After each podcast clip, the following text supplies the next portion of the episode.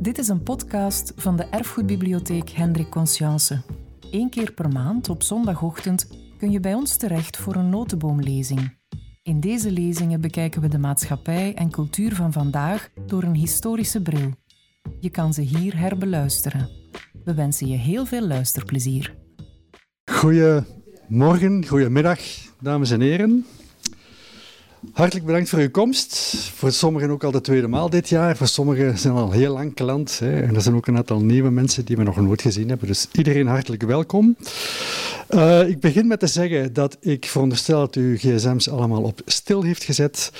Uh, we gaan vandaag de lezing iets vroeger moeten afsluiten, omdat er straks nog een, uh, een manifestatie is, een show and tell van een aantal mooie boeken. Hoe, hoe? U verstaat dat niet? Oké, wacht, ik ga dat even vastpakken. Oké, goed. Dus wat ik zei, de gsm's staan allemaal af natuurlijk. Uh, straks is er een show and tell van een aantal mooie collectiestukken hier in deze zaal. Dus we moeten iets vroeger stoppen om 12 uur. Uh, u bent ook allemaal uitgenodigd na de lezing om uh, de receptie te doen natuurlijk. En daarna kan u ook om één uur terug in deze zaal die show and tell meemaken. Hè, omdat u hier nu toch bent. Uh, er, zijn, er zal geen tijd zijn voor vragen, vermoed ik. Dus de vragen gaan ook in de leeszaal gesteld moeten worden. Dus Diane de Keizer zal straks ook naar de leeszaal gaan. Ook met een aantal boeken die je eventueel kan kopen en laten signeren. Dat, dat zal dus niet op de overloop zijn, maar in de leeszaal. En dan is er wat meer ruimte en wat meer tijd om nog vragen te stellen. Diane de Keizer moet ik uh, misschien niet voorstellen voor iedereen. Zij is begonnen in 1985 met boeken schrijven, voornamelijk over, uh, de meeste van haar boeken gaan over vrouwen en vrouwenthema's, vrouwen en een historische omgeving. Is begonnen met Madame Servie over dienstpersoneel bij rijke mensen en kasteelheren. Uh, ze heeft een boek geschreven over de keuken van rijke mensen en, en de meiden zelf, de meesters en de meiden. Er is een boek geweest over schaamte, schrik, goesting en genot. Daar moet ik geen uitleg bij geven. Er is een boek geweest over de engeltjesmaaksters, hè, over vrouwen die abortussen pleegden bij armere meisjes die niet naar een dokter konden. Um, er is een boek geweest over vondelingen en nu is er het boek Kel Bordel over prostitutie, over hoeren. Uh, en je ziet zo in die evolutie hè, dat er ene boek na de andere leidt. Dat is een heel mooi ding om te zien. Um, wat prostitutie betreft is ook niks nieuws onder de zon. Hè. Je zult zien aan het verhaal van Diane dat eigenlijk uh, de redenen waarom dat vrouwen in de prostitutie gegaan zijn ook altijd hetzelfde geweest zijn gedurende bijna heel de geschiedenis. Hè. Dus dat kan zijn uit, uit dwang, uh, uit noodzaak. Dwang gaat het boek eigenlijk heel weinig over. Hè. Maar uit noodzaak, soms zelfs uit hongersnood. Soms ook gewoon omdat dat veel meer geld opbracht dan werken bijvoorbeeld in een 19e-eeuws textielfabriek of een ander bedrijf. Uh, ook het gedoogbeleid is gedurende de eeuwen nauwelijks veranderd. Soms mocht er veel, soms mocht er weinig. Het was nooit echt wettelijk oké. Uh, soms was de reglementering streng, soms minder streng. Maar iedereen, elke overheid besefte ook dat um, prostitutie een dat prostitutie noodzakelijk was, soms ook noodzakelijk kwaad genoemd. Hè. Uh, maar ik vermoed toch dat niemand echt kan voorspellen wat er zou gebeuren indien prostitutie echt verbannen en verboden zou worden. Eén uh, ding is wel zeker, als je dat zou doen, dat verbieden of dat verbannen bannen, dan uh, heb je alle gevolgen van dien. Dan gaat dat natuurlijk ondergronds, dan gaat je, dan gaat je geen controle hebben over hygiëne, mensenhandel en, en dat soort dingen. Er zijn nogal wel boeken geschreven over, over prostitutie, maar dit boek is toch van een andere invalshoek. Het is ook al een tijdje geleden. Hè. Ik heb zelf ooit een boek gelezen van een Nederlandse professor Stemvers uit 85. Die had het over prostitutie in de Nederlandse steden en een van zijn conclusies was uh, dat prostitutie nooit een beroep, een gewoon beroep zou zijn, een beroep als een ander. En die aan de keizer heeft eigenlijk een andere opinie daarover. Maar dat is natuurlijk ook een stuk van de evolutie. Uh, en we hadden natuurlijk in 1992 het boek, het wereldwijd schokkerende boek van uh, Chris de Stoop. Hè. Ze zijn zo lief, meneer, over mensenhandel, vrouwenhandel, vrouwenmishandeling, ook in de prostitutie, dwang tot prostitutie. Uh, maar ik ga nu het woord laten aan Diane en zij zal dan zeggen hoe dat zij dat ziet en wat zij allemaal ontdekt heeft. Diane.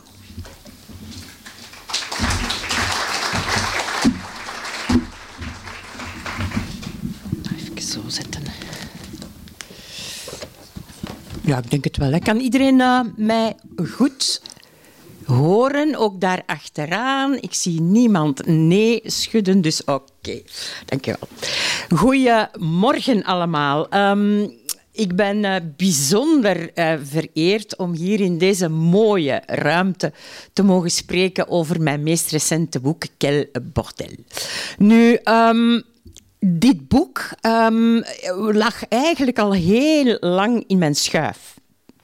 Uh, het is te zeggen, het thema lag al heel lang in mijn schuif. Um, omdat ik toen ik uh, pas afgestudeerd was als uh, leraar Nederlands um, in de jaren tachtig, was er helemaal geen werk. En kon je met de uh, leraren, heel anders dan nu. Uh, de weg van Leuven, ik ben uh, afkomstig uit het Leuvense, kon je de weg van Leuven naar Brussel plaveien. Dus er was geen werk en, in mijn eigen streek, dus ik ben dan naar Brussel gegaan. Maar ik was een meisje van de buiten, zo groen als gras op mijn 21ste. En dan moest ik plots naar Brussel om daar te gaan werken in de buurt van de Aarschotstraat. En ik hoor u al oei zeggen, inderdaad. Uh, ik stapte uit de trein. Ik was nog nooit in Brussel geweest, laat staan in de Aarschotstraat. En ik moest door de Aarschotstraat en ik moest dus langs de vitrines. En um, ja, in eerste instantie wist ik mijzelf niet echt heel goed een houding te geven. Mocht ik nu kijken naar die schaars geklede, uitdagend uh, gebarende dames of niet? Um, ja, dat was zo'n beetje, wat, wat, wat doe ik hier? Nu, die, die mannen voor en achter mij, die hadden daar veel minder schroom mee. Dus ik dacht, ja, ik als vrouw, ik uh, stap door. En uh, het is zo dat, dat ik van toen af um, een, fascinatie had voor die vrouwen. En ik dacht van, goh, als ik nu toch eens een weg kon vinden om um, ja, te weten wat die dames bezielt om dit, deze job te gaan doen.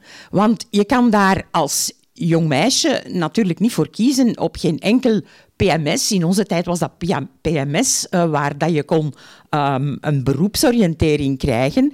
Uh, je kon daar niet voor kiezen om uh, in een bordeel te gaan werken.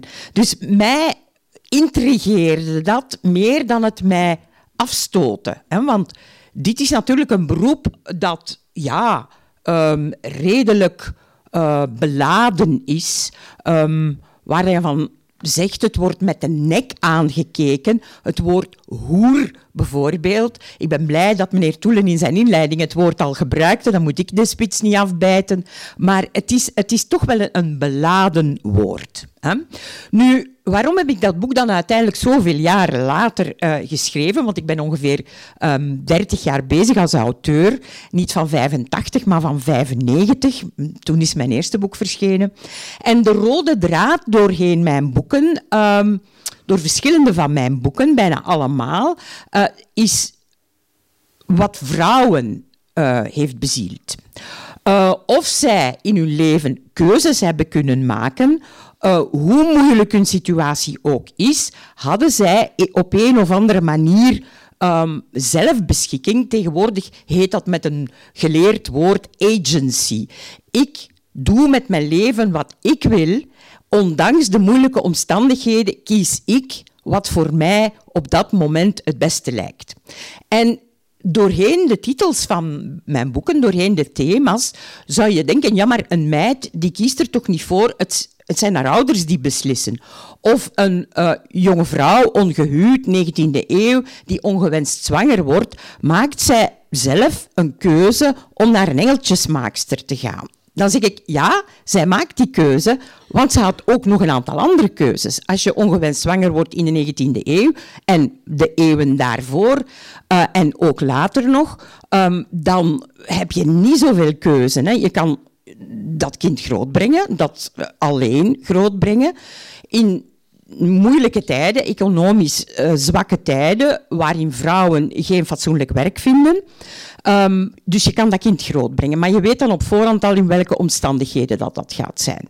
Je kan ervoor kiezen om dat kind niet zelf groot te brengen, maar het over, over te laten aan de zorg van anderen. Dan um, komen we terecht bij kinderen te vondeling leggen, waar ik ook een boek over geschreven heb. Nu, er zijn vrouwen die zeggen van ik wil die zwangerschap niet uitdragen, ik ga naar een engeltjesmaakster. Je hebt, ondanks de moeilijke omstandigheden, ondanks de moeilijke situatie, heb je toch altijd een keuze. Het is soms kiezen tussen de, pest en de cholera, maar het is wel kiezen. Dat is hetzelfde met prostitutie. Ehm, dat heb ik uh, gezien doorheen mijn opzoekingswerk en doorheen de vele eeuwen um, ja, waarover we hier spreken. Nu, um, een, een, hele negatieve klank krijg je als je de woorden ziet, die beginnen met hoer. De samenstellingen uh, zijn bijna allemaal negatief. Hè. Je hebt hoerenboel, oude hoeren, zeggen ze in uh, Noord-Nederland. Uh, een van de mooiste woorden is eigenlijk hoerenchance. Dat is een chance hebben, een geluksje hebben. Hè. Dus dat is iets wat je, ja, uh, wat je nog positief kan zien. Maar ik weet niet of dat jullie weten wat een hoerenbad is. Ik, heb, ik kende het niet, het woord, voor ik aan dit boek begon. Maar een hoerenbad is zo een kattenwaske. enkel je oksels um, wassen en je aangezicht. Natuurlijk moesten de prostituees dat tussen twee verschillende passes, hè, dus een pas is een beurt, is één klant, en tussen die beurten had je niet zoveel tijd. Het is zeggen, als je goed je brood wou verdienen, moest je verschillende passes per dag afwerken, verschillende klanten. Dus vandaar um, die uh. Maar we hebben nog andere woorden, hè, zoals bijvoorbeeld een gezagshoer. Dat is ook niet het mooiste. Nu, we zijn eigenlijk heel ver afgeweken van de oorspronkelijke betekenis van het woord hoer in het Indo-Germaans. Want daar betekent dat, betekende dat eigenlijk iets helemaal anders, namelijk iets heel positief, lief en begeerlijk. Dus je ziet hoe ver we soms kunnen um, afglijden van oorspronkelijke betekenissen. Als we het over de geschiedenis van de prostitutie hebben, moeten we toch wel uh, een reis door de tijd maken. Hè? Dus het is ouder dan de straat, maar is het wel het oudste beroep?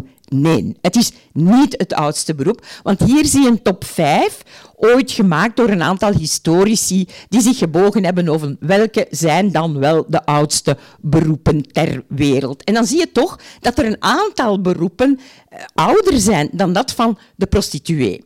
Waarom is dat zo? Eigenlijk heel logisch. Om naar een prostituee te gaan, moet je die kunnen betalen om gebruik te maken van haar diensten. Dus dan moet je beschikken over een ruilmiddel of later geld. En je moet dat geld of dat ruilmiddel ergens verdienen. Hè. Dus vandaar dat men denkt, en dat men daar nogal zeker van is, dat het een oud beroep is, een heel oud beroep, maar uh, niet het oudste.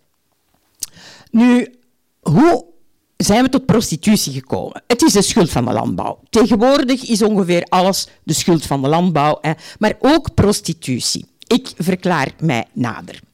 Wij komen eigenlijk, als we heel ver teruggaan in de geschiedenis, en we komen uh, voor uh, de periode in de geschiedenis waar um, mensen zich in vaste groepen gingen vestigen op vaste plekken, spreken we over uh, nomadische samenlevingen, waar mensen in kleine groepen rondtrokken en daar een tijdje bleven en daar de grond uitputten, um, jaagden op dieren uh, en alles wat er in de omgeving eetbaar was, probeerden te plukken. Hè.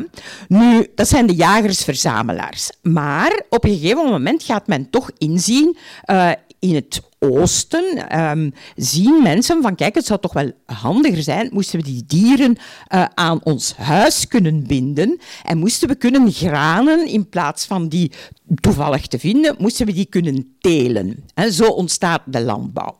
Nu, in die rondtrekkende uh, samenlevingen, daar zorgden alle vrouwen voor alle kinderen en alle mannen voor alle vrouwen en voor alle kinderen. Het was totaal niet belangrijk wiens kind je was. er was geen grondbezit, er was geen overerving, dus dat was eigenlijk helemaal niet belangrijk um, ja, dat je een bezit had, hè, want men deelde alles.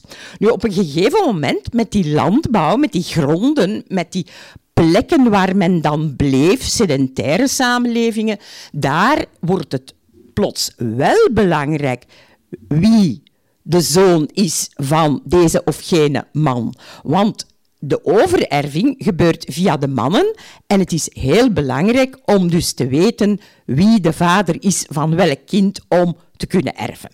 Nu, het huwelijk ontstaat. Uh, we spreken nu over uh, Tigris en Eufraat, waar um, je die ontwikkeling voor het eerst krijgt. Nu, met die overerving en het huwelijk krijg je ook vaste relaties, de monogamie. En als er monogamie is, dan gaat, gaan sommige mannen, sommige vrouwen ook, maar vooral mannen, gaan op een gegeven moment een beetje uitgekeken zijn op de eigen uh, vrouw, op de echtgenote. En ze gaan, uh, zoals we dat zo mooi in het Vlaams zeggen, naast de pot willen pissen. Nu, er zijn vrouwen die zich daarin uh, specialiseren, die zich daarvoor gaan laten betalen. Je hebt ook de tempelprostitutie, met, zoals je hier links kan zien, de uh, dienst aan de godin Ishtar. Hè. Um, je hebt uh, alle mogelijke vormen van prostitutie uh, die stilaan ontstaan, omdat mannen willen betalen voor seks en vrouwen die zeggen van ja, maar als mannen zomaar gratuit bij mij, bij mij aankomen voor seksdiensten, dan kan ik mij daar beter voor laten betalen. Zo ontstaat prostitutie en heb je ook tempelprostitutie. Je hebt vandaag nog altijd tempelprostitutie in sommige deelstaten van India. Uh, tot groot ongenoegen uiteraard van uh, de, uh, de, de, feministische lobby die zegt van dit is, dit is absoluut eh, oneerbaar, dit kan niet, dit is ehm, ja, uh, vrouwen in een bepaalde afhankelijke positie zetten. Nu, vroeger was die tempeldienst, in uh, de tijd van de vereering van Ishtar, was die tempeldienst een eer voor een familie en voor een meisje. En was eigenlijk voorbehouden aan de hoogste kasten. Nu zie je dat dat vooral bij de armste vrouwen uh, een, een, een, nog voorkomt. Gaan we naar de klassieke oudheid, dan kun je ook niet om prostitutie heen. Zowel in het uh, antieke Griekenland als in het oude Rome uh, komen we uh, prostitutie tegen. Hier links zie je bijvoorbeeld een vaas uit het oude Griekenland. En daar zie je een symposium waar een hetairai, dat waren eigenlijk de uh, laten we zeggen, de courtisanes van hun tijd, vrouwen die gestudeerd hadden uh, en die de gezelschapsdames waren van bijvoorbeeld be de bekende filosofen van hun tijd. En die um, naast uh, ja, een babbel, een intellectuele gesprekspartner voor die geleerde heren ook uh, seksdiensten verleenden. En dus zij stonden in zeer hoog aanzien, in tegenstelling tot de pornaai. Pornaai zijn de, uh, de gewone prostituees, de straathoertjes van hun tijd, laat ons zeggen. Nu, hier zie je voor mensen die ooit in Pompeii zijn geweest, zie je een lupunar uit En hier zie je een tekening van het interieur van um, een van die uh. Het woord lupus is zowel wolf als hoer in het Latijn. Dus uh, of er een verband is tussen de twee, dat laat ik in het midden. Maar in ieder geval, um, je hebt uh, zeker in die klassieke samenlevingen heb je prostitutie. Dus zo oud als de straat. Uh, het Lupunaar in Pompeii uh, is zeer de moeite. Ik wacht nog altijd om eens een bezoek te brengen aan Pompeii, maar het is zeer goed bewaard en ook de, de muurschilderingen zijn prachtig bewaard. We maken een stap um, naar de middeleeuwen laten we zeggen, de volle middeleeuwen, late middeleeuwen. En daar spreken we, als we het hebben over de prostituees, over ledige vrouwen en vrouwen van lichte minnen. Nu, we weten zoveel over prostitutie in um, de middeleeuwen, dankzij uh, de straffen die er geweest zijn en dankzij processen. Bijvoorbeeld hier in Antwerpen had je de vierschaar uh, en de vierschaar was uh, op het binnenplein van het Steen. En daar werd dus recht gesproken op vier banken uh, oorspronkelijk. En die archieven zijn bewaard en daar hebben niet ik alleen, maar heel wat historici zich ook over gebogen van wat zit er allemaal in, de in die processen. En er zijn gelukkig voor ons ook nogal wat processen die het hebben over um, ja, misdrijven, ontucht, vrouwen van lichte minnen en hun klanten die in de stad ehm, ja, zorgen voor overlast. Het is zo dat prostitutie voor de kerk een zonde is, zeker al vanaf de apostel Paulus, die een uh, brief schrijft op een gegeven moment aan de christenen van Korinthe en die zegt vlucht hoererij. Dus vanaf heb je de poppen aan het dansen en de, gaat, de katholieke kerk, de jonge katholieke kerk, gaat zich al een heel negatief uitspreken over prostitutie. Terwijl de staat, bijvoorbeeld in uh, Rome, um, dat als een instituut beschouwde en de prostituees betaalden belastingen, dus het was gedoogd, het was aanvaard. Maar um, het is zo, hoe, machtiger de katholieke kerk wordt, hoe moeilijker dat, dat verhaal wordt. En voor de kerk is het een zonde, maar voor de burgerlijke overheid, want het, er was niet zoiets als een staat, het waren de steden die recht spraken. En het is daar ook dat je uh, pas als er geklaagd wordt over overlast rond de bordelen, dat je uh, een proces krijgt. En dat je voor de vierschaar komt en dat wij uh, gelukkig weten wie dat die vrouwen van toen waren. Nu, misschien nog even heel kort, van waar komt bijvoorbeeld het woord put in het Frans? Um, heeft een hele dichte band met de waterputten um, van de middeleeuwen. Het was zo dat de vrouwen, dat het de taak was van de vrouwen om water te gaan halen aan de plaatselijke bron, fontein, waterput. Ze ontmoeten elkaar daar en ook de hoeren, de prostituees, de vrouwen van lichte minnen, uh, gingen daar waterputten. Want uh, een, een, bordeel heeft absoluut water nodig. Want wij hebben een idee over de middeleeuwen als een hele vieze, vuile tijd. Nu, hygiëne stond heel hoog aangeschreven in de bordelen. En zeker, daar kom ik straks op, op uh, de stoven. Hè. Um, daar heb ik het straks over. Dus het woord put in het Frans, putain, zou volgens een aantal historici van het woord puits komen. Nu, anderen zeggen dan weer nee, het komt van uh, stinkend in het Frans, puant. Dus um, ja, ik laat in het midden wat, waar het echt vandaan komt. Prostituee is dan weer een eufemisme, een woord dat een beetje wil verbloemen waar het over gaat. Hè. Komt uit het Latijn, uh, pro statuere, dus u ergens vooraan plaatsen. Hè. Dus nu is dat letterlijk te nemen uh, voor de vitrine of achter de vitrine, uh, afhankelijk van het standpunt dat je inneemt. Hè. Nu, in de middeleeuwen zijn er heel veel uh, benamingen voor prostituee en voor bordeel. Dus ik heb al gezegd, ledige vrouwen, vrouwen van lichte minnen, lichte kooien. Uh, prostituee daarvan zeggen een aantal historici dat is pas een term van de 19e eeuw, maar dat klopt helemaal niet, want hier in Antwerpen hebben we een archief waar het woord prostituee al veel vroeger voorkomt, hè, dus in die bewuste middeleeuwen.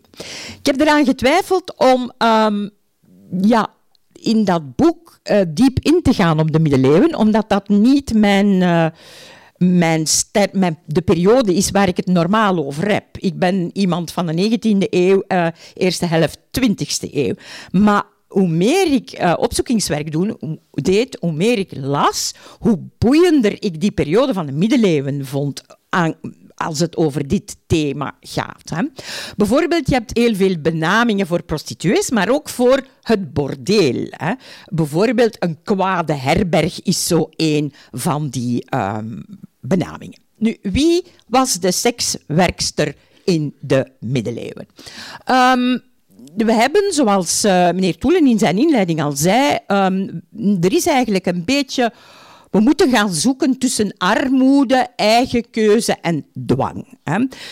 Bestaat allemaal. Ik heb in mijn boek en in de research die ik gedaan heb, in heel veel archieven, in heel veel geschriften van historici voor mij, heb ik uh, ze allemaal gevonden. Maar heb ik heel veel eigen keuzes gevonden. Vrouwen die ondanks de moeilijke situatie waarin ze zitten, toch ervoor kiezen om hun brood te verdienen voor zichzelf, maar soms ook ongehuwd voor hun kinderen. Um, niet in de slecht betaalde textielnijverheid, in de uh, thuisnijverheid in de middeleeuwen, maar um, om um, ja, beter uh, geld te verdienen met minder hard werk. Je kan dan je twijfels hebben over het soort werk, maar zij maken die keuze. Iemand die ook die keuze gemaakt heeft, die vinden we terug in een van uh, de mooie verhalen, uh, mooie legendes uit de middeleeuwen. En dat is de Beatrice-legende. En die dateert al uit 1374, dus we spreken nu over de 14e eeuw. En dat is eigenlijk het verhaal uh, van kosteres, um, die um, een relatie heeft gehad. Dat loopt om een of andere reden uh, mis. En zij, zij besluit het, naar het klooster te gaan. Um, daar in het klooster kan zij haar grote liefde niet vergeten en zij beslist om dan uh, toch weg te gaan, haar um, habit uh, voor het beeld van onze lieve vrouw achter te laten en uh, het leven in te trekken. En zo leeft ze zeven jaar samen met haar grote liefde. Ze krijgt uh, kinderen, dat loopt mis en ze leeft zeven jaar in zonde. Ze keert terug en wat is er gebeurd? Maria heeft, oh wonder, haar plaats ingenomen en niemand heeft iets gemerkt. Dat waren nog eens tijden. Nu, ik lees een klein stukje uit de Beatrice-legende, uh, om u uh, ja, toch ook te tonen dat in zo'n uh, zeer bekend verhaal, dat daar ook een beetje het waarom, waarom deze vrouw kiest voor in zonde, hè, zoals men dat dan noemt, te gaan leven. Dus um, in de Beatrice-legende lezen we in modern Nederlands vertaald, nu mijn bestaan in duigen viel, moet ik mijn lichaam en mijn ziel bevlekken met zondige daden. Maria, vrouwen, heb genade, ook al kon ik garen spinnen, wat zou ik ermee winnen? In twee weken een half brood, ik moet gedwongen door de nood, buiten de stad, in het open veld, mijn lichaam verkopen voor geld. Om eten te kunnen krijgen, want ik moet toch mijn eigen kinderen te eten geven.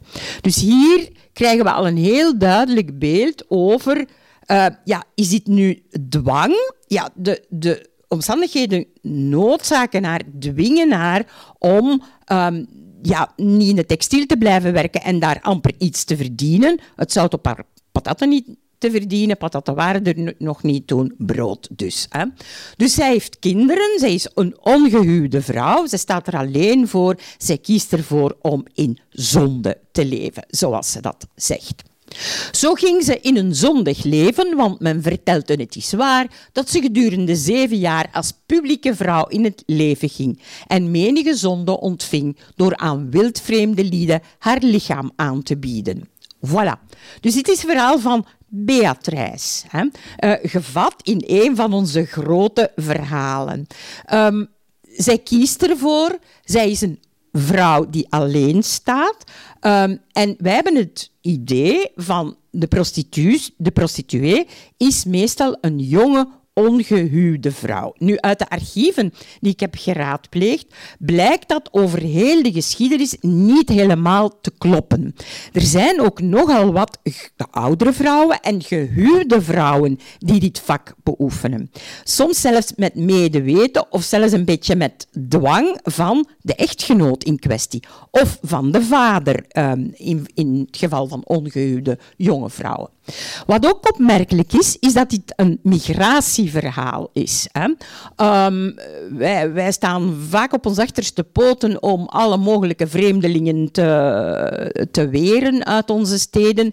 Maar onze steden eh, schrijven een geschiedenis van migratie, van voortdurende migratie. Zeker een stad als Antwerpen, ook een stad als Brugge, die voor Antwerpen grote sier maakte in de middeleeuwen. En daar, heb je, daar zie je dat de helft van de prostituees van buiten Vlaanderen komt. Hè. Voor Brugge dan, buiten uh, het graafschap Vlaanderen.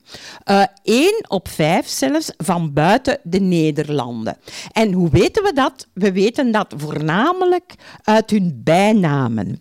Dus de, uh, de prostituees die in de processen voorkomen, daarvan weten we heel vaak niet een echte familienaam, want familienamen is een, een historie van een beetje later, maar de vrouwen kregen bijnamen. En zo maken we bijvoorbeeld kennis met vrouwen die in Brugge circa 1400 echt door de straten gelopen hebben. Zoals bijvoorbeeld Zeeuwse Jehanne komt uit Zeeland, Tanneke de Schottinne komt uit Schotland, Walse Marie komt uit het Waalse landgedeelte en eh, zo maken we kennis met vrouwen van vlees en bloed die dit vak uitoefenen, zoveel jaar geleden.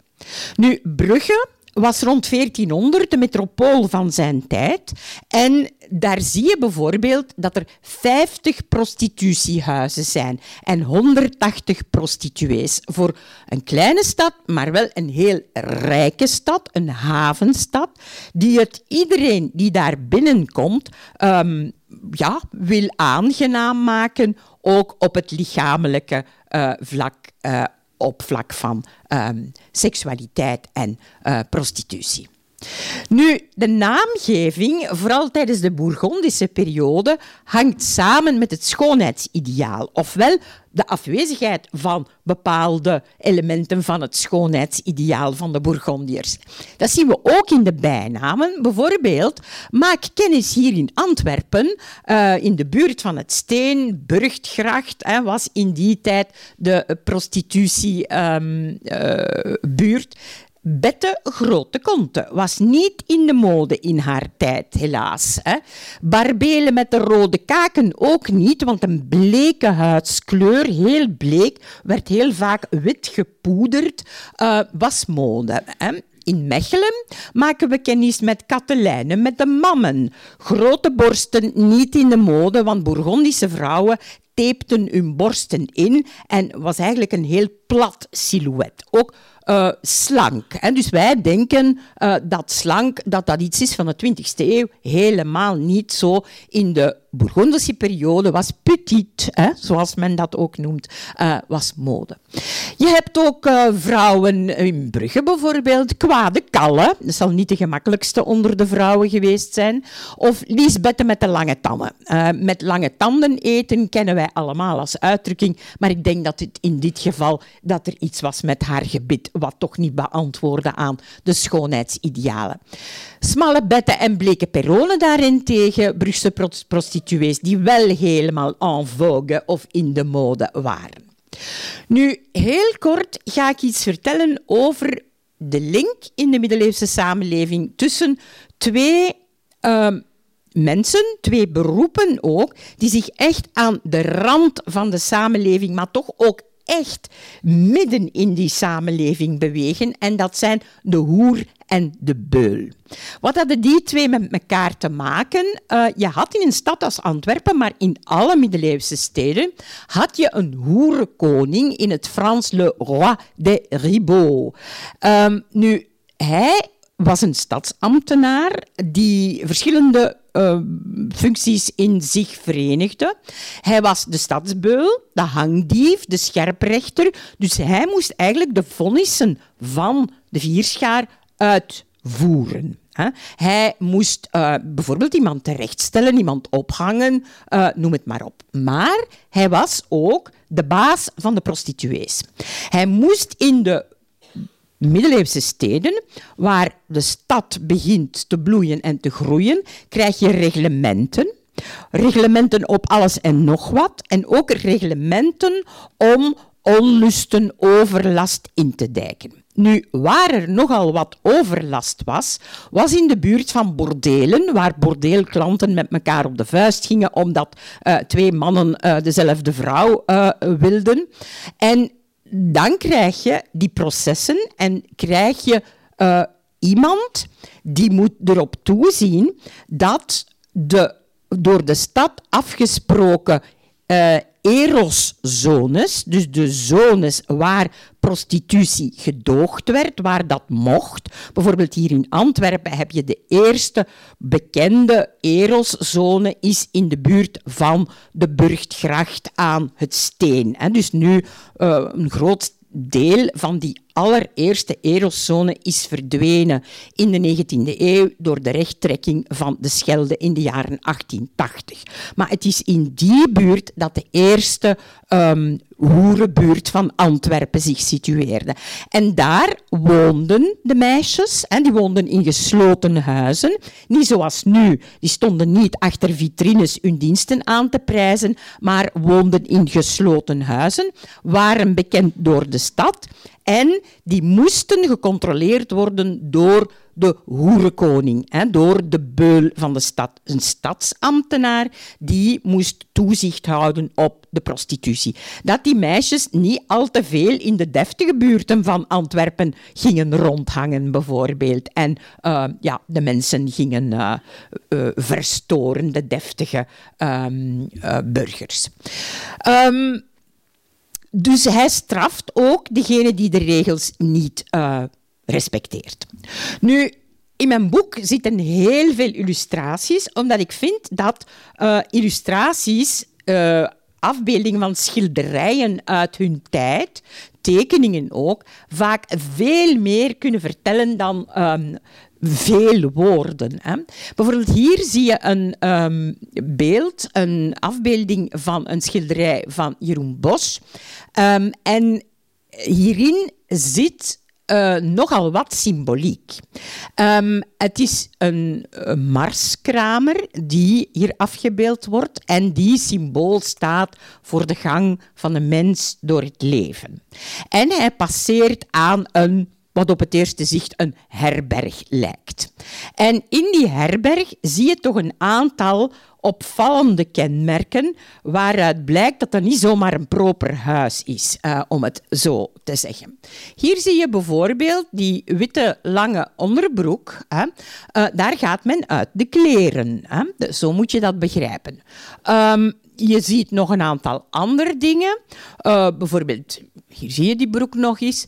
Wat heel opmerkelijk is, is uh, de aanwezigheid van deze vogel in een kooi en hier een uithangbord met een zwaan. Dus dit etablissement uh, heette In de Zwanen. En dat moest al een belletje doen rinkelen. En bij ons zegt dat niks meer, omdat we die iconografie helemaal verloren zijn. Wij begrijpen dat niet meer als we naar die beelden kijken. Maar de middeleeuwer kon dit zeer goed begrijpen. En hij wist, ah, in de zwanen, uh, oké, dat is een bordeel. Want in het schoon Vlaams hebben wij een uitdrukking vogelen. Waar denk je dat dat vandaan komt? Dat komt precies hier vandaan. Overal zijn die vogels aanwezig als een symbool voor seksualiteit en voor buitenhuwelijkse seks. Wat je ook ziet, uh, is hier dat koppeltje. Uh, dit is een prostituee. Ze heeft een kannetje vast. Je ziet hier een ton met een gat erin. Uh, dit zijn de symbolen voor de vrouwelijke seksualiteit. En je ziet hier zo een, een grote staak en het rapier, een soort van dolk, zwaard, um, wat de man mee heeft, ook valse symbolen, mannelijke seksualiteit. Dus het bulkt op die uh, schilderijen, ook op miniaturen van uh, zeer duidelijk voor ons verdoken symboliek, voor de middeleeuwer heel duidelijk in your face uh, symboliek.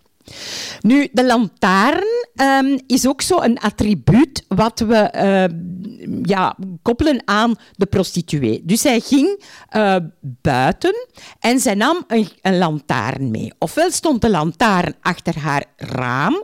Zij was niet achter het raam te zien, zoals dat nu in Schipperskwartier uh, hier een beetje verder is. Nee, zij nam een lantaarn mee en ze bleef in de buurt van het bordeel om haar diensten aan te prijzen. En natuurlijk, zij begon pas als het uh, buiten donker werd. Dus de klant moest toch kunnen zien welk waar er aangeprezen werd, om het nu oneerbiedig te zeggen. Wat we ook zien, is, uh, zijn dat er een aantal kleurencodes waren. Um, als een prostituee voor iets wat te maken had met haar vak veroordeeld werd, dan werd zij verplicht om um, in de stad waar zij woonde uh, bijvoorbeeld te pronk gesteld worden, te worden. Dat was een soort van schandstraf waar je uh, ja, eh, de goede gemeente kon laten zien van kijk, deze vrouw heeft iets mispeuterd wat een schande is. Hè. Ze heeft niet gewoon gestolen, ze heeft uh, ja, eh, zich ingelaten met oneerbare dingen en ze heeft daarboven, want dat was op zich niet strafbaar, ze heeft daarboven um, ja, onrust in de stad gebracht. Dan werd ze te pronk gesteld en te kijk gezet eigenlijk uh, aan een schavot, aan een, um, noem het maar op. Hè. Mensen konden dan komen kijken en zij had een lapje in een bepaalde kleur.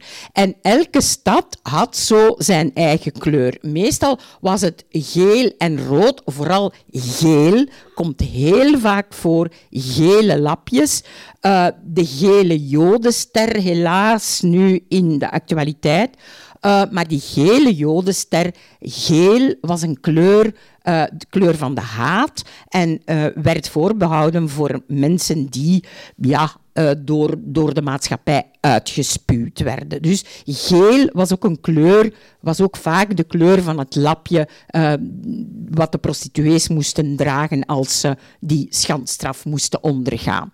Nu, je hebt nog andere kleuren. Sommige steden nemen groen, andere rood, andere geel, soms ook blauw. En ik weet niet of dat jullie weten wat blauwe begijnen zijn, maar blauwe begijnen zijn ook prostituees. Heel veel uithangborden met vogels, dat heb ik al gezegd. Nu, over die Eros-zones heb ik ook al verteld. Uh, een middeleeuwse stad had uh, afgebakende zones waarin prostitutie gedoogd werd. Waar de stad zei van kijk, daar in die straten en nergens anders. Hè. Dus um, uh, hier in Antwerpen is dat dan aan het steen. Um, er waren allerlei reglementen, stadsreglementen, uh, en je had zones uitgezonderd. De metropool van uh, de 14e, 15e eeuw, Brugge, daar had je geen eroszones. Daar had je geen prostitutiebuurten, maar prostitutie was daar verspreid over heel de stad, omdat net die handelsmetropool zijn uh, ja, gasten ter wille wou zijn op alle mogelijke manieren. Heb ik ook al verteld, voor de kerk zal het doorheen de geschiedenis, uh, zo uh, jong en oud de kerk is, zal het altijd zonde zijn. Het is tegen Um, het is losbandigheid hè? Uh, en men, het is eigenlijk nefast voor de huwelijkse trouw. De stedelijke overheid zegt van um, het is tegen de openbare orde en daar moet opgetreden worden. Er wordt ook pas opgetreden als er een klacht komt, dus als de buren beginnen te klagen, dan wordt er iemand, uh, een prostituee of de klanten, die, uh, meestal de klanten zelfs, die voor die onrust zorgen, worden voor de vierschaar gedaagd. Nu, heel veel uh, overlast, maar ook um, heel mooie episoden uit onze stedelijke geschiedenis zijn de badstoven. De badstoven, uh, ik zeg uh, broeierige badstoven in stomende stoofstraten. Als wij in um, België uh, een middeleeuwse stad zien, zowel in Vlaanderen als in Wallonië, dan zijn daar, als je een middeleeuwse kern nog hebt in die stad, dan mag je er gif op nemen of er is een stoofstraat. In Vlaanderen een stoofstraat, in Wallonië Rue d'Etuve. Bijvoorbeeld in Luik heb je de Rue d'Etuve, in Bergen en noem maar op. De meest bekende, beroemdste stoofstraat is in Brussel, waar Manneke Pis staat, naast het stadhuis. Ga je naar beneden en kom je in de benedenstad. En waar nu Manneke Pis staat, was al van in de middeleeuwen een bron waar de vrouwen, weet je nog, de put, hè, waar zij water gingen uh, halen. En um, daar in die buurt uh, waren ook de openbare badstoven. Um, je had die in alle steden, ook hier in Antwerpen. De Stoofstraat is een zijstraat van de Hoogstraat. Die, gaat, die liep eigenlijk oorspronkelijk van de Hoogstraat naar de Schelde. Want als je een badstoof hebt, heb je water nodig. Dus een badstoof is altijd in de buurt van een bron, een put, uh, een rivier. En dus overal, bijvoorbeeld in Mechelen, heb je die aan de Dijlen, de Stoofstraat. Dus in alle steden met een middeleeuwse kern hebben we een stoofstraat. Wat is nu zo een stoven? Dat is een opmerkelijk instituut uh, en het heeft een klein beetje weg van onze moderne sauna, maar de sauna is daar toch uh, klein bier en vooral zeer braaf bier tegen. Uh, ja, je hebt ook sauna's van soorten natuurlijk. Hè. Maar je hebt op de miniaturen in de middeleeuwen heb je, uh, die, die prachtige verluchte miniaturen uh, met daarop badstoven. Hè. Um, hoe ziet dat eruit? Je hebt een ruimte waarin een stoof staat, vandaar de naam, een kachel, ofwel is dat een open vuur. Um, dat waren de goedkoopste stoven. Ofwel heb je een, um, een potkachel, en dat waren dan de potstoven. Dat waren eigenlijk kachels, opeengestapelde uh, delen van een kachel, waar dan vuur gemaakt werd dat niet open was. Dus dat was een chiquer um, bordeel. Uh, zeg badstoof. Historici ja, maken een beetje ruzie over uh, de badstoven. En er zijn er die zeggen, ja maar, die badstoven, uh, je moet dat niet altijd zo koppelen aan het, uh, het bordeelgedeelte. Nu, er zijn toch wel een aantal argumenten om um, ja, er redelijk zeker van te zijn dat de twee toch heel goed in combinatie waren. Bijvoorbeeld hier. Hoe ziet zo'n bordeel er, hoe ziet zo'n badstof, sorry, eruit? Uh, je hebt verschillende baden. Dus je ziet hier zo'n ovale uh, bad, ton. Hè? En die stonden zo naast elkaar opgesteld. Een stuk of vijf, zes baden. En daar nam, daar nam je plaats. Hè? Uh, het kan zijn dat dit een koppel was, een echt paar, hè, maar dat hoeft helemaal niet. Hè. Um, het kan ook zijn dat dat mannen en vrouwen zijn die elkaar kenden, die afspraken in de badstoof om elkaar daar te zien als een soort van sociaal evenement, zoals wij nu lekker gaan eten op restaurant. Hè. Eten deden ze ook, want over de baden uh, lag een bert, een, een, een grote plank, uh, gedekt met uh, mooi linnen. En daarop um, ja, alle mogelijke spijs en drank. Hè. Je hebt ook een minestreel die soms voor het nodige vertier komt zorgen. En hier staat een hondje. Hier ligt er eentje. Uh, dit is een hondje dat met zijn snuit naar de bader staat.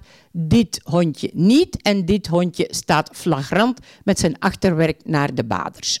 Een hondje staat symbool, of een hond op een schilderij, staat symbool voor trouw. Nu, als een hond met zijn achterwerk naar de toeschouwer of naar de belangrijkste, belangrijkste subject van uw schilderij staat, dan betekent dat net het omgekeerde. Dus deze hond wil zeggen, oh oh, ontrouw. Dus het was een sociaal instituut waar men naartoe kwam en waar de afstand van het bad naar het bed maar heel klein was. Het bad, het bed. En zo zien we dat er uh, in heel wat steden, is er gelukkig, zijn er archieven van processen, maar ook van inboedels, waardoor we uh, een zicht krijgen op wat was er te zien in zo'n badstoof. Hè. Wie werkte daar ook? Bijvoorbeeld uh, Lisbette in de potstoven en Matte Stoven, jonkwijf, die werkte uh, als ja, prostituee, um, ja, bediende in zo'n stoven. De oudste stoven vinden we terug in Brugge en dateert van 1303. Het is dus vooral de 14e eeuw, de 15e eeuw ook, vooral de 15e eeuw, is de bloeiperiode van de stoven. Bijvoorbeeld Leuven, toch niet zo'n grote stad, heeft op dat moment zes stoven.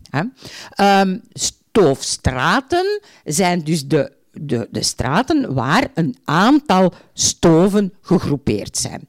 Stoven, je hebt er van soorten. Je hebt mannenstoven, je hebt vrouwenstoven en veel interessanter zijn de gemengde stoven waar je net een afbeelding van zag. Ook hier heb je weer diezelfde uithangborden, bijvoorbeeld ter zwanen, ten pauwen, ten rode deuren. En je mag van mij aannemen, die rode deuren is nooit zomaar een rode deur.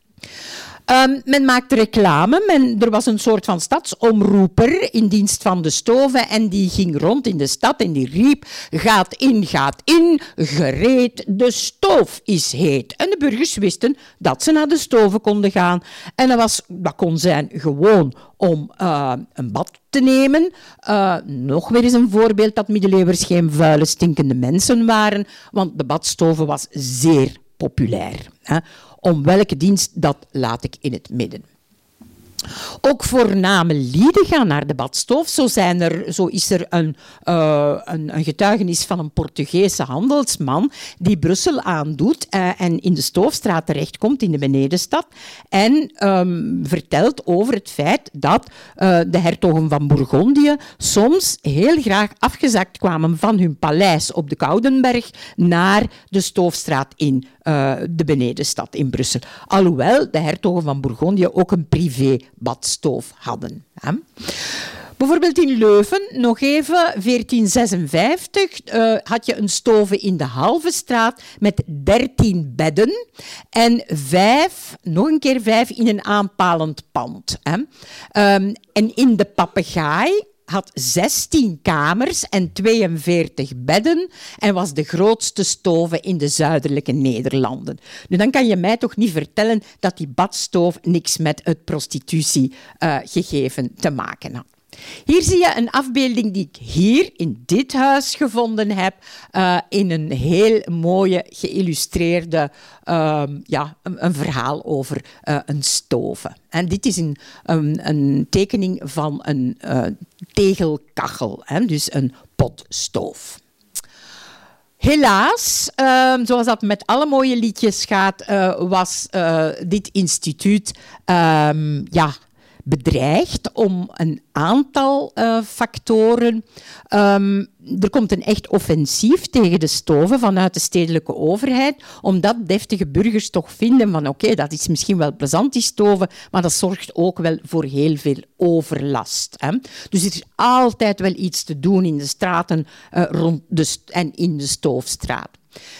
De schaamte rukt stilletjes aan op. Ook de katholieke kerk heeft daar wel iets mee. Uh, en voornamelijk uh, besmettelijke ziekten en geslachtsziekten gaan een rol spelen. En hier zie je zo'n afbeelding van. Uh, Hans Baldoen Green. En je kan dat heel moeilijk zien, maar als je dit schilderij gaat bekijken in Mechelen, in het Vliegend Peert, in de Katelijnenstraat, een prachtig klein museum, uh, dan zie je dit werk. En dit is ongemeen open. Hè. Je ziet een oude vrouw bovenaan uh, in de stoof.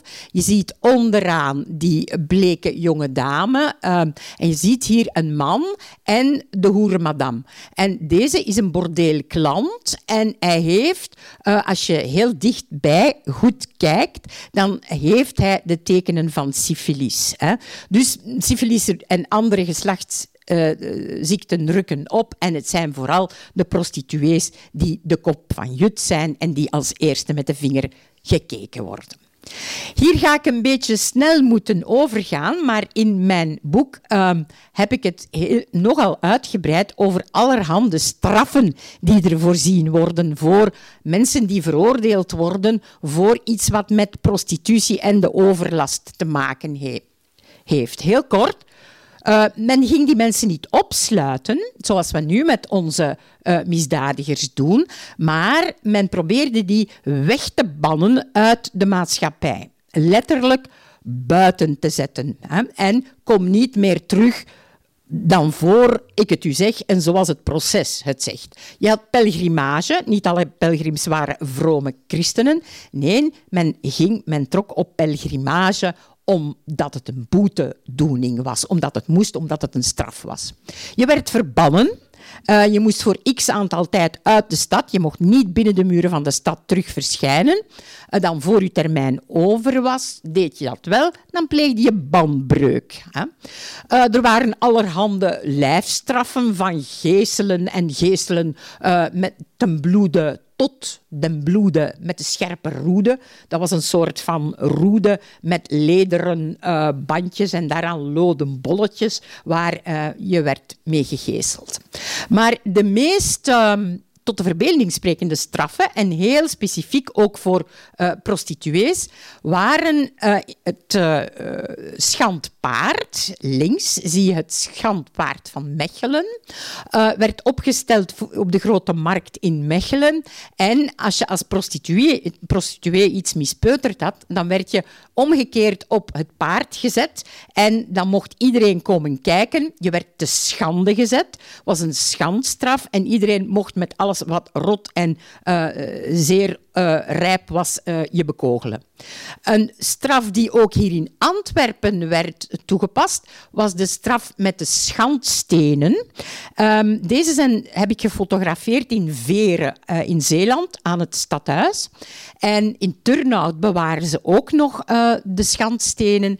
En dus als je iets mispeuterd had, wat te maken had met prostitutie, dan werd je uh, veroordeeld tot de schandstenen. En dan moest je hier, je, ziet hier zo een stuk dat in je hals werd, gelegd. En die twee stenen waren dikke, zware keien, waar je een bepaald traject hier in Antwerpen helemaal rond de burcht moest afleggen. En iedereen kon je dan uh, komen bekijken en uitjouwen. In mijn boek heb ik het ook over de band tussen niet alleen de heks en de, de, hoer en de beul, maar ook de heks en de hoer. Heel wat um, heksen zijn uiteindelijk, um, ja, waren prostituees. Omdat er een heel dichte band is tussen enerzijds de heks, die uh, zoals de heksenhamer het zegt, seks heeft met de duivel. De prostituee heeft seks met een man van vlees en bloed. Maar die twee werden nogal eens verward en uh, het ergste wat je dan kon overkomen was terechtkomen op de brandstapel. Nu, dan zijn we al niet meer in de middeleeuwen, want heksenverbrandingen is geen verhaal van de middeleeuwen, maar is een verhaal van de reformatie en later. We maken een hele sprong. Ik kijk op mijn klok. Um, ik vrees dat ik maar een heel klein stukje van het hele boek ga kunnen vertellen. Maar een heel fascinerende periode naast de middeleeuwen is de 19e eeuw. En zoals de uh, uitdrukking het zegt, we hebben regen in Parijs en dan druppelt het wel eens in Brussel. Um, Brussel, als het uh, druppelt in Brussel, dan druppelt het zeker in Antwerpen. Hè? Want uh, Antwerpen steekt in de 19e eeuw zelfs Brussel naar de kroon, daar waar de populariteit van de prostitutiebuurt aangaat. Hè? Nu, de 19e eeuw is niet anders dan de periodes ervoor en daarna. Je krijgt hier een voortdurende strijd tussen enerzijds prostitutie reguleren, met stadsreglementen of afschaffen of gedogen of alles wat daar ergens tussen zit. We krijgen zo van die golfbeweging in, in de geschiedenis. Dat zien we vandaag nog altijd. In sommige landen in um, Europa wil men prostitutie afschaffen, gaat men klanten die een prostituee bezoeken strafbaar stellen. In ons land kiest men een heel andere weg. Hè? Doet men dat niet. Nu, Brussel die, uh, gaat in de 19e eeuw de prostitutie regelen naar Parijs-model. Met de maison dus je hebt echt gesloten huizen. Je ziet op het eerste zicht niet dat dat een bordeel is of een huis van ontucht. Hè? Het zijn huizen gekend zijn bij de stedelijke overheid. Ehm, de vrouwen zijn ingeschreven. Ze hebben een boek en daarom noemen ze hier in Antwerpen, of heten ze hier in Antwerpen, de boekwijven. Ik heb heel veel opzoekingswerk gedaan hier in de leeszaal, maar ook in het um, Felix-archief. En daar zie je in de bevolkingsregisters bijvoorbeeld voor sommige straten de prostitutiebuurt van Antwerpen. Je hebt dus eerst de Burggracht, de Haringvliet, dan verhuist dat naar uh, de, uh, de, de, ah, de naam ontsnapt mij nu. Uh, de, aan de Koolkaai en de, de straat die, waar de... De Gorterstraat, dankjewel. Uh, de Gorterstraat is in de 19e eeuw uh, de prostitutiestraat. Met het bordeel der bordelen, namelijk de Crystal Palace. Nu, je hebt dus maison closes met filles maison, maar je had natuurlijk ook des filles éparses. En dat waren eigenlijk de straatprostituees, die niet ingeschreven waren zoals de boekwijven, die niet onderworpen werden aan medisch onderzoek. Nu, je hebt in de schilderkunst van de 19e eeuw heb je ook uh, een aantal schilders die uh, het prostitutiemilieu zeer goed kennen. En links heb je onze Félicien Rops. Hè. Zijn museum in Namen is schitterend. Je moet alleen opletten met kinderen. Hoe verder je het museum uh, doordringt, hoe pornografischer het wordt. Dus, enfin, links zie je dus Rops en rechts zie je Toulouse-Lautrec. Waar zij alle twee uh, het medisch onderzoek verbeelden. Links bij Robs is het de madame zelf, de hoerenmadame, meestal een prostituee op retour. Hè, die ziet van, kijk, ik heb mijn tijd gehad, maar ik kan meer verdienen door zelf uh, een bordeel te openen en meisjes in dienst te houden. Zij gaat zelf uh, een onderzoek uh, instellen. Maar veel gebruikelijker, en hier in Antwerpen bijvoorbeeld ook verplicht, was het medisch onderzoek om de zoveel tijd door een arts aangesteld door de stad. Brussel uh, heeft een gids, Bruxelles la nuit, gepubliceerd in 1868. En daarin worden 29 zaken uh, ja, beschreven waar de toerist terecht kan uh, voor betaalde liefde. Eigenlijk opgezet om de argeloze toerist te behoeden, om daar niet binnen te stommelen. Maar het werd zeer populair omwille van ja, het, het feit dat je zo de etablissementen net wel kon vinden. Brussel heeft een gids, Antwerpen heeft dat helemaal niet nodig, want uh, is eigenlijk een aantrekkingspool voor heel veel artiesten. Uh, vooral Fransen uh, komen hier in Antwerpen terecht via Brussel, maar voor hun uitje naar, naar de prostituee gaan ze naar, naar Antwerpen komen. En zo heb je heel wat bekende namen die zowel in de Haringvliet Burggraft gracht en later, als dat uh, platgegooid wordt omwille van de rechttrekking van de Schelde in 1880, verhuist dan naar de Gorterstraat. Daar heb je de Crystal Palace en daar heb je um, zowel uh, Franse, de Franse intelligentia die vanuit Frankrijk in Brussel terechtkomt met de Frans-Duitse oorlog, gaat naar Antwerpen afzakken. Je hebt in de Gorterstraat, in de Crystal Palace, heb je mensen zoals Rick Wouters en um, James Ensor, die daar in 1912 neerstrijken. En James Ensor maakt uh, een hele mooie tekening die bewaard, bewaard wordt in uh, het Plantijn Moretus Museum de glazen kas. En daar uh, tekent hij de glazen kas, de Crystal Palace. Of hij daar echt klant was, of Ensor daar de liefde geconsumeerd heeft, dat weten we niet. Um, je kon daar ook een pint drinken. Hè. Laat ons het daar maar bij laten. In mijn boek vertel ik ook heel graag over Les Grandes Horizontales. Ik vind dat een schitterende benaming voor vrouwen die je echt niet als uh, hoer kon bestempelen, maar ze waren het wel. Zo heb je bijvoorbeeld La Belle Otero, uh, Emilie Emilienne d'Alençon, Cleo de Merode, die uh, naam en faam maakten. Zij begonnen hun vak eigenlijk als danseres of als actrice. Um, en daar werden ze opgepikt door alles wat in uh, Europa naam en faam en een kroon had. Hè.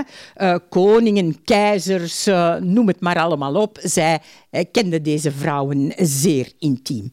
Bijvoorbeeld onze tweede koning, koning Leopold II, um, had een affaire met deze Cleo de Merode. En de, de, ik heb het dan in mijn boek over de seks- en.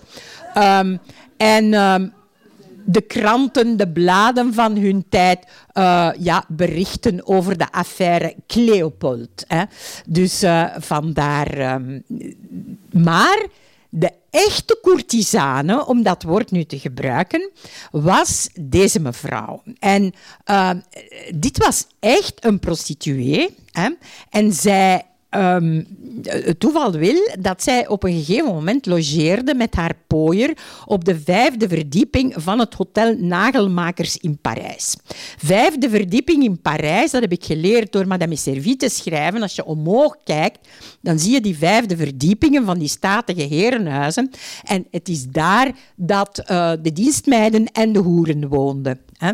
En uh, deze mevrouw was een Roemeense prostituee die daar uh, logeerde, een beetje boven haar stand, uh, met haar pooier. En um, op een gegeven moment, als zij door de lobby van het hotel loopt, uh, gaat Leopold II haar opmerken. En hij uh, neemt contact op met de grote baas van het hotel en zegt, deze mevrouw, wie is dat? Ik wil haar zien. En voilà, de rest is geschiedenis. Dit is Blanche Delacroix. Zij heette heel anders. En zij wordt in haar functie van courtisane getolereerd. Iedereen wist het. Nochtans was Marie-Henriette, de echtgenote van de koning, er nog tot 1902. Maar toch uh, zal hij daar niet voor terugschrikken om een affaire te hebben en haar te verheffen in de adelstand. En zij wordt la baronne de Vauhan. Lodewijk XIV had zijn courtisane, courtisane, dus een cour, het woordje cour zit daarin. Het is aan het hof dat het te doen is in dit geval.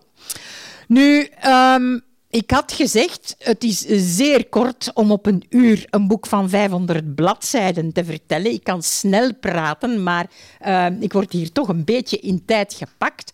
Uh, maar dit mag u niet uh, weerhouden om zeker dat boek te lezen en bijvoorbeeld ook te lezen over de gebroeders de Goncourt, Charles Baudelaire, Victor Hugo en zijn zonen, Vincent van Gogh, die een hele mooie kop van een prostituee schildert. Uh, uh, hij zal ze wel gezien hebben hè, uh, toen hij hier op kot zat in de Lange Beeldekenstraat. Hè. Rechts heb je een, een, heel mooie rops. Hè. Dit is geschilderd hier in Antwerpen. Um, links is, de, sorry, links is de glazen kas van Rick Wouters en Otto Dix heb je. Hè, dus, dus het is een schitterend verhaal waarin Antwerpen toch wel een heel mooi stukje van die geschiedenis schildert. Ik heb in mijn boek uiteraard uh, in het laatste hoofdstuk uh, ook aandacht besteed aan prostitutie vandaag. Want we zitten in een tijd, vorig jaar, het jaar ervoor, de COVID-periode, waar COVID heeft eigenlijk als een soort van brandsneller gewerkt om um, een brandversneller gewerkt om ervoor te zorgen dat uh, vrouwen die totaal geen rechten hebben in ons land. Uh, u weet, in de periode van COVID stonden de prostituees letterlijk en figuurlijk op straat, konden nergens terecht voor welke tegemoetkoming ook, stonden op straat hadden niet, zoals de horeca, uh, tegemoetkomingen um, en uh, waren eigenlijk veroordeeld tot de voedselbanken. Hè. Vincent van Quickenborne heeft allerlei dingen gedaan, daar ga ik me niet uh, over uitlaten, maar hij heeft ook ervoor gezorgd dat er een wet komt waarin de rechten van de prostituee voor eens en hopelijk voor altijd uh, toch wel heel duidelijk uh, neergeschreven worden. Zij moet een statuut krijgen. Dus op dit moment is men daar nog altijd mee bezig. Dus de, de lobby, de hoerenvakbond, want die bestaat, er ook, bestaat ook, um, is heel erg aan het werken op um, ja, een goed statuut en rechten voor prostituees. Nu, het probleem is dat sommige van de eh, vrouwen waar ik mee gesproken heb, daar ja, uh, een beetje um, met, met uh, dubbel uh, gemoed naar kijken, omdat zij zeggen van oké, als wij belastingen moeten betalen, dan gaan wij natuurlijk uh, ja, veel meer klanten moeten doen om eh, hetzelfde inkomen te hebben. Hè. Nu, het gevaar is, zeggen zij, dat uh, het weer onderduikt en dat vrouwen, zoals nu al het geval is, samen een appartementje huren in een anonieme woonblok en daar uh, de ene klant na de andere uh, ontvangen, zonder dat iemand dat echt ziet, uh, behalve als je daar de buur van bent en je ziet daar heel veel passage. Hè. Maar ehm, waar ik mee wil eindigen, is zeggen van dat wij hier in Antwerpen een bijzonder goed uh, prostitutiereglement hebben. Hè. Dus het is zo dat uh, Leona de Tiège in uh, 2000 werk gemaakt heeft van een geïntegreerd prostitutiebeleid, waarin je um, de prostitutie herleid hebt tot vier straten in het Schipperskwartier, um, waarin je een superbordeel hebt, een mega bordeel, de Villa Tinto. In het midden van de Villa Tinto, je, ik doe soms wandelingen met, uh, uh, met mensen rond Kel Bordel door Antwerpen, langs de historische prostitutiebuurten. En dan eindigen we in het Schipperskwartier en dan wandel ik uh, door, langs de Villa, Tinto. En in het midden van de Villa Tinto-straat heb je een politiekantoor. Je hebt ook een um, faciliteit op de hoek van Schipperstraat. Heb heb je een medische dienst waar prostituees terecht kunnen, sekswerkers zeggen we nu, waar sekswerksters terecht kunnen voor um, raad en uh, bijstand, medisch, psychologisch en noem het maar allemaal op. De politie werkt zeer goed samen met uh, de, de prostitutie. Dus we mogen eigenlijk um, ja, um, zeggen dat Antwerpen een voorbeeldfunctie heeft in uh, de prostitutie. Dit betekent niet dat er geen mensenhandel meer is, maar het aantal dossiers rond mensenhandel in Antwerpen is bijvoorbeeld in vergelijking met Brussel miniem. Ik vrees dat ik nu echt moet afronden, want anders krijg ik hier heel boze blikken. Um, als je nog meer wil weten, ik kan u alleen maar aanladen. Er zijn nog 500 bladzijden en het is toch slecht weer. En ik wil uh, straks nog wel iets vertellen. Dank u wel.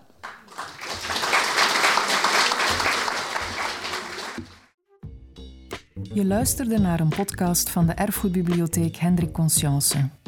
Wil je nog een andere lezing beluisteren? Ga dan naar www.consciencebibliotheek.be-herbeluister.